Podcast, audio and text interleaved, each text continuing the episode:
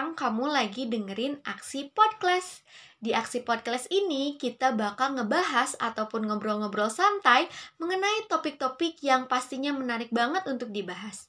Dan pembahasannya pastinya bukan hanya tentang akuntansi aja, kita juga bakal ngebahas tentang isu-isu pendidikan, perkuliahan, mahasiswa, dan masih banyak lagi. Ditambah dengan narasumber-narasumber yang pastinya asik banget diajak ngobrol juga keren-keren. So, dengerin aksi podcast ini sampai akhir.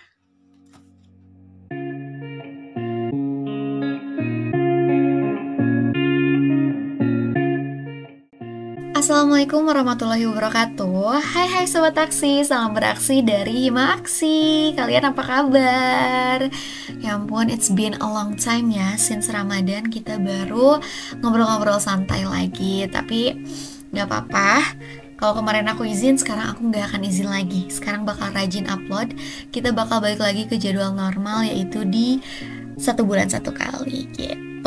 So, this is our fourth episode Dan kali ini kita bakal ngebahas sesuatu yang seru banget Dan pastinya melekat banget pada diri mahasiswa gitu. Kita bakal membahas mengenai akademik dan juga organisasi Nah, jadi kita akan mendiskusikan, kita akan ngobrol ngobrol-ngobrol santai mengenai lebih penting mana sih organisasi dan juga akademik. Apakah akademik lebih penting atau organisasi lebih penting? So, seperti biasa aku bakal mengundang narasumber yang pastinya bisa kita ajak ngobrol nih tentang akademik dan organisasi. Dia itu adalah salah satu mahasiswa Fakultas Ekonomi Universitas Garut. Dan dia tuh aktif banget berorganisasi ya. Dia punya organisasi internal maupun eksternal. So kita sambut aja langsung Teh Melan Setiani. Halo Teh Melan Halo teman-teman semua, aku Melan Setiani dari Fakultas Ekonomi Universitas Garut, Prodi Akuntansi S1 dan sekarang semester 4. Uh, eh, halo Teh Melan, apa kabar? Baik, baik, baik. Oke, makasih banget Teh Melan udah nyempetin buat jadi narasumber di podcast kali ini. Uh, sebelumnya nih, aku pengen tahu dulu kesibukan Teh Melan akhir-akhir ini tuh apa sih? Uh, selain sibuk kuliah, aku juga sibuk berorganisasi. Oke. Organisasi internal sama eksternal. Nah, kalau ya kalau di internal, uh, aku internal gabung ya. Iya Aku gabung di Badan Eksklusif Mahasiswa BMFE Uniga sebagai anggota Kementerian Luar Negeri. Nah, kalau yang eksternalnya, aku gabung di sebuah forum komunikasi remaja desa atau disebut dengan FKRD. Oh, jadi Teh Melan itu sibuk banget ya organisasinya tuh sampai di eksternal juga ada. Ya, ya gitulah. Teh Melan kalau boleh tahu FKRD itu apa sih? FKD itu uh, forum komunikasi remaja desa. Nah, forum ini adalah forum yang di dalamnya tuh ada orang-orang muda yang peduli terhadap uh, isu-isu uh, yang ada di lingkungan sekitar. Gitu. Keren banget. Oke, jadi kita langsung aja kali ya ke apa ya pertanyaan yang bersangkutan dengan tema kita kali ini. Jadi Teh Melan, tema kita kali ini itu tentang akademik versus organisasi. Seru, Pasti seru. ini jadi topik yang apa ya hangat dibicarakan gitu ya. Banyak banget yang membandingkan lebih penting uh, akademik atau organisasi sih. Nah, menurut Teh Melan sendiri, akademik dan organisasi itu mana yang lebih penting? Uh, menurut saya sendiri ya Akademik dan organisasi ini tidak dapat dibandingkan, melainkan harus disandingkan. Karena keduanya itu uh, sangat berpengaruh besar terhadap pembentukan karakteristik kita sebagai seorang mahasiswa. Uh, tentunya akademik dan organisasi ini harus berbanding lurus karena keduanya ini saling berkaitan. Selama masih sanggup menjalankan kedua-duanya, mengapa tidak? Karena semua ini uh, hanya perihal bagaimana kita memanajemen waktu itu dengan baik. Jadi ada saatnya di mana kita itu harus fokus terhadap akademik dan di satu waktu pula kita harus fokus terhadap organisasi. Semua itu uh, tergantung kepada bagaimana cara kita untuk memanage. Cara memanage tersebut kita uh, bisa membuat schedule dalam kegiatan akademik dan organisasi.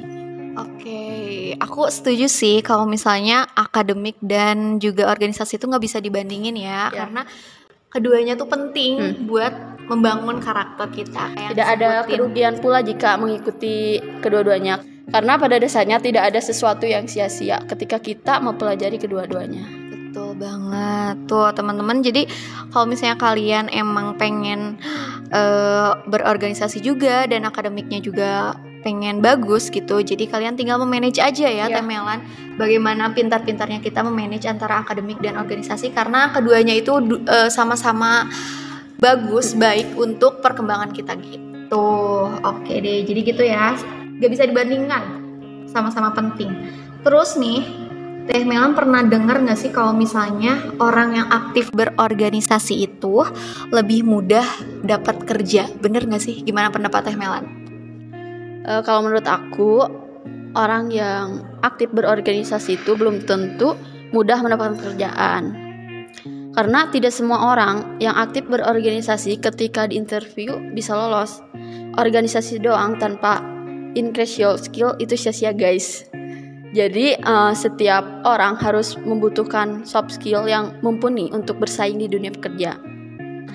Karena nilai akademik dan hard skill saja emang tidak cukup. Maka dari itu, kita semua perlu meningkatkan keahlian kita. Contohnya melatih soft skills, komunikasi yang baik, jiwa kepemimpinan dan kreatif. Oke, jadi kalau misalnya tetap nih mereka aktif berorganisasi tapi mereka itu tidak increase yeah. your skill, increase their skill gitu. Itu sia-sia berarti ya. Terus gimana kalau misalnya Betul. yang gak aktif nih? Gimana da dalam mendapatkan pekerjaannya? Sama, belum tentu juga karena uh, bisa saja mereka mempelajari cara-cara atau mengikuti kelas-kelas public speaking agar uh, meningkatkan pengetahuan atau soft skill mereka. Jadi mereka itu tidak harus mengikuti organisasi untuk meningkatkan skill mereka. E, pengalaman organisasi memang cukup, memang cukup penting untuk melamar pekerjaan, tapi perlu e, kita ingat ketika kita bergabung di organisasi, jangan sampai akademik kita diabaikan, karena tujuan awal kita untuk kuliah yaitu untuk belajar. Oke, jadi kayak gitu ya, nggak selalu yang nggak ikut organisasi juga dia itu bakal susah ataupun bakal mudah gitu. Itu tergantung diri mereka sendiri apakah mereka itu bisa meningkatkan soft skill mereka sehingga mereka bisa mudah untuk lolos interview dan lain-lain gitu. Tapi masih ada juga nih kasus nih orang-orang atau mahasiswa-mahasiswa yang malah organisasi mereka itu meng apa ya menghambat malah menghalangi. Ya menghalangi anda akademik mereka. Jadi mereka tuh masuk kuliah malah fokusnya tuh lebih ke organisasi dan kuliahnya terbengkalai. Nah menurut Teh Melan itu gimana? Kalau menurut aku pribadi itu kembali ke diri sendiri. Tujuan utama mereka itu apakah kuliah atau berorganisasi kalau tujuannya emang kuliah pasti uh, mereka belajar sama lulus Iya, akan mementingkan akademik nah, ya. akan mementingkan akademik. Tapi kalau prioritas utama mereka berorganisasi, mencari pengalaman di organisasi, ataupun menambah relasi di sebuah organisasi tersebut, ya nggak apa-apa karena uh, karena itu uh, pilihan mereka sendiri. Sebaiknya sih sebanding antara akademik dan organisasi.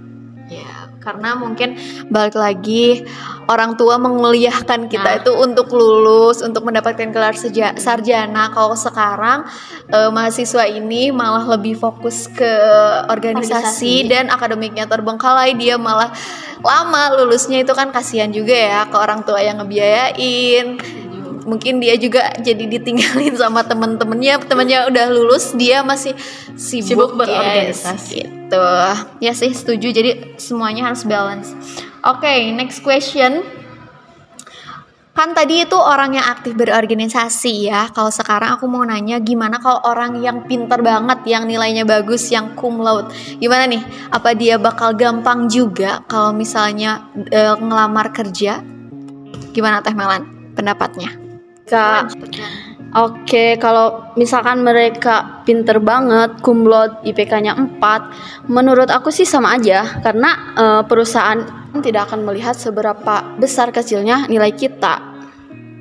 Karena uh, setiap perusahaan memang sih sudah mempunyai standar nilai rata-rata. Nah, biasanya standar nilai IPK yang harus dimiliki adalah 3 dan biasanya nilai IPK ini tercantum di perusahaan tersebut uh, berapa sih nilai yang harus dipenuhi dan tergantung perusahaannya? Itu jadi nggak perlu IPK 4 nah, gitu ya. ya kayak tiga tuh udah jadi apa ya standar gitu standar. ya. Jadi kalau misalnya kamu nggak kumlau juga nggak apa-apa. Jangan berkecil hati karena masih ada juga perusahaan yang menerima kamu walaupun IPK kamu tiga. Bahkan aku pernah lihat nih lowongan pekerjaan yang nerima pekerjaannya tuh pekerjanya memiliki IPK 2,5 gitu. Jadi pintar-pintar kita aja kali ya mencari pekerjaan. Iya guys. Jadi IPK ini hanya meloloskan kita ke tahap administrasi. Yang perlu kita semua ingat uh, eh, IPK ini tidak menjamin kita pasti diterima kerja di sebuah perusahaan. Akan tetapi, IPK tinggi akan memberikan keleluasaan kita untuk memilih dan melamar pekerjaan di mana pun yang kamu inginkan, gitu. Betul banget, setuju sih aku. Jadi kalau misalnya kalian nih insecure atau enggak down dan merasa IPK kalian itu kecil kayak aduh aku apa ya kerja di mana ya bakal dapat kerjaan enggak ya enggak harus apa ya down gitu nggak usah harus menyerah karena IPK bukan segalanya. Ya, ya semangat betul. Guys. Oke, makasih banget nih udah jawab pertanyaan-pertanyaan aku. Sekarang mungkin kita langsung ke kesimpulan. Jadi cepet-cepet kesimpulan. Iya, karena Teh Melan ini sibuk banget gitu ya. Takutnya ada kesibukan yang lain tuh. Udah ngelihat jam ya. Jadi gimana nih kesimpulan buat podcast kali ini Teh Melan? Uh, mungkin untuk kesimpulannya jika lebih penting mana sih antara kuliah dan organisasi?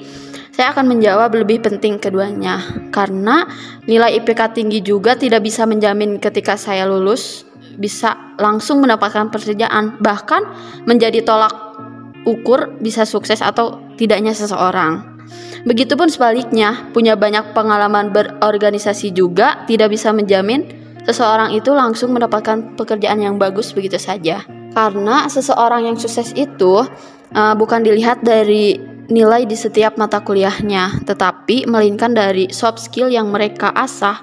Sehingga ketika mahasiswa lulus dari perkuliahan nanti, mereka mendapatkan bukan hanya ilmu perkuliahan saja, mereka mendapatkan uh, soft skill yang dapat yang didapat dari tadi berorganisasi. Nah, soft skill yang di, bisa didapatkan dalam organisasi itu tadi uh, tidak akan bisa didapatkan oleh mahasiswa lain ketika perkuliahan berlangsung.